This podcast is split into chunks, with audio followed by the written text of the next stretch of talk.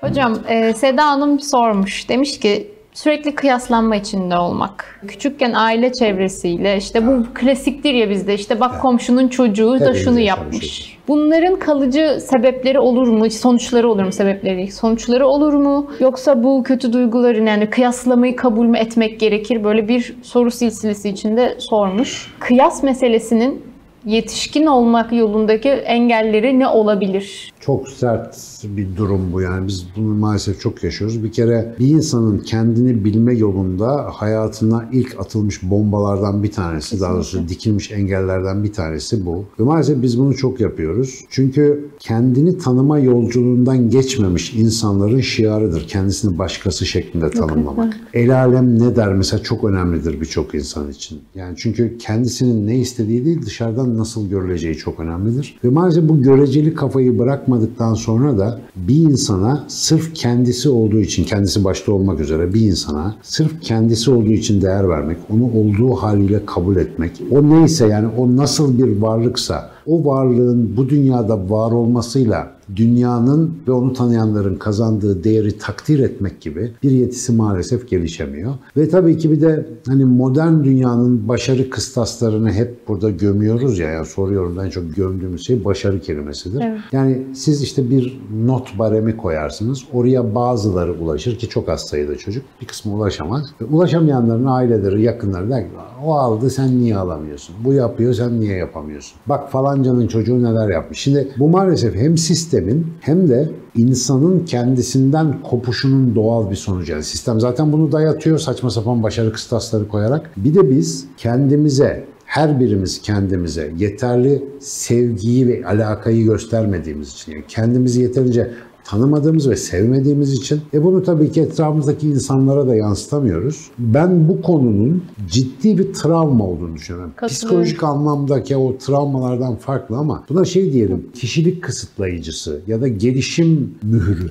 Yani gelişim gelişmeni engelleyen bir e, başlangıç kilidi. Bu arabaların tekerlerine kilit takıyorlar ya onun gibi bir şey bu. Her insanın zamanın bir yerinde bunu aşması gerekiyor. Yani bununla mücadele etmesi gerekiyor. Çünkü bir şekilde içimize yerleştiriliyor. Biz bir kere belki birinci kez söylüyorum parmak izi hiç kimseyle aynı olmayan bir insanız. Vücudumuz, ses tonumuz, simamız, damarlarımızın dağılımı, akciğer bronşlarımız hiç kimseninkiyle aynı değil. Benziyor ama aynı değil. Dolayısıyla bu benzersizlik içerisinde bizim bir terkibimiz var. Bize özel. Bizden başka kimse yok. Muhtemelen hiç gelmedi ve hiç gelmeyecek. Yani sadece şu an yaşayan insanlar arasında benzersiz değiliz. Parmak izi veri tabanları toplanıyor. Ölmüş olan yani milyonlarca insanın da parmak izi var o veri tabanlarına ama karışmıyor. Karışmayacağını biliyoruz. Çünkü çok kaotik bir oluş sürecinden ve gelişim sürecinden geçiyoruz. Yeganeyiz. Şimdi bu yeganeliğin farkında olan bir insan kendini kimle kıyaslayabilir? Daha evvel söylemiştim.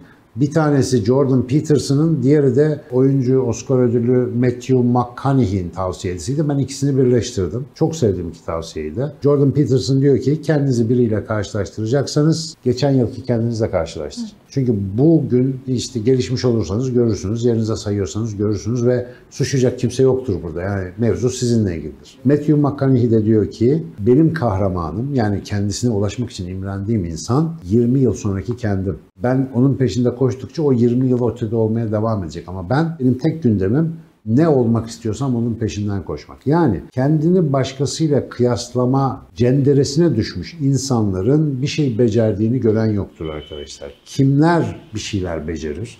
Yani illa böyle Nobel almak gibi düşünmeyin.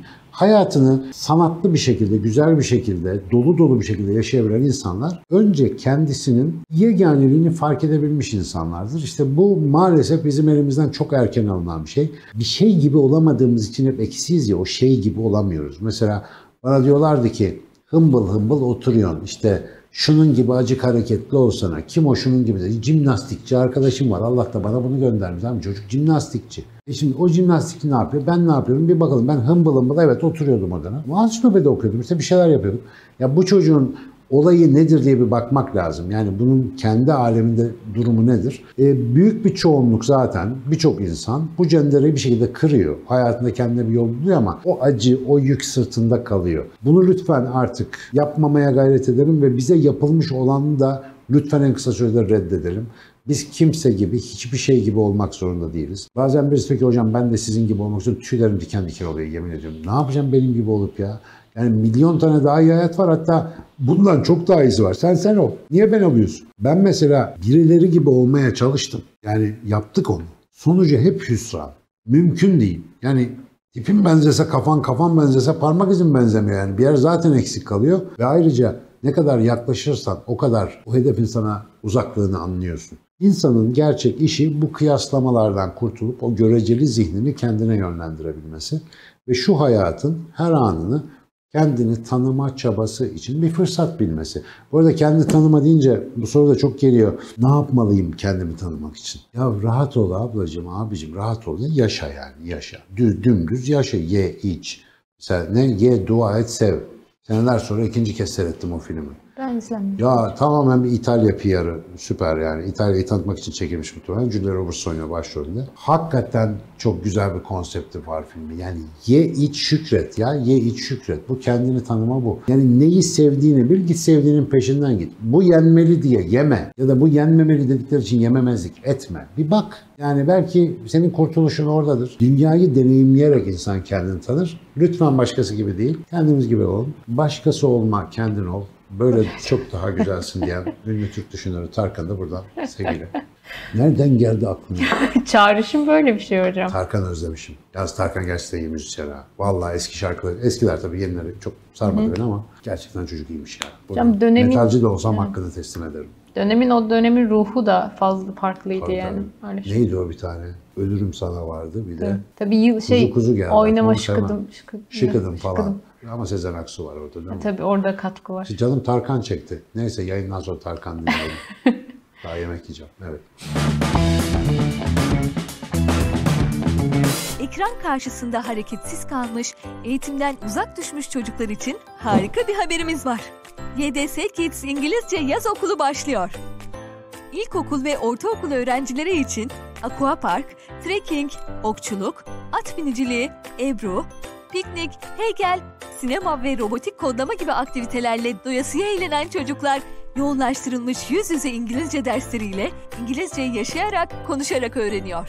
Tüm eğitim ve aktivitelerimiz COVID-19 tedbirlerine uygun olarak organize ediliyor. YDS Kids Yaz Okulu, yaz dönemini fırsata çevirmek için %20 indirimle sizleri bekliyor.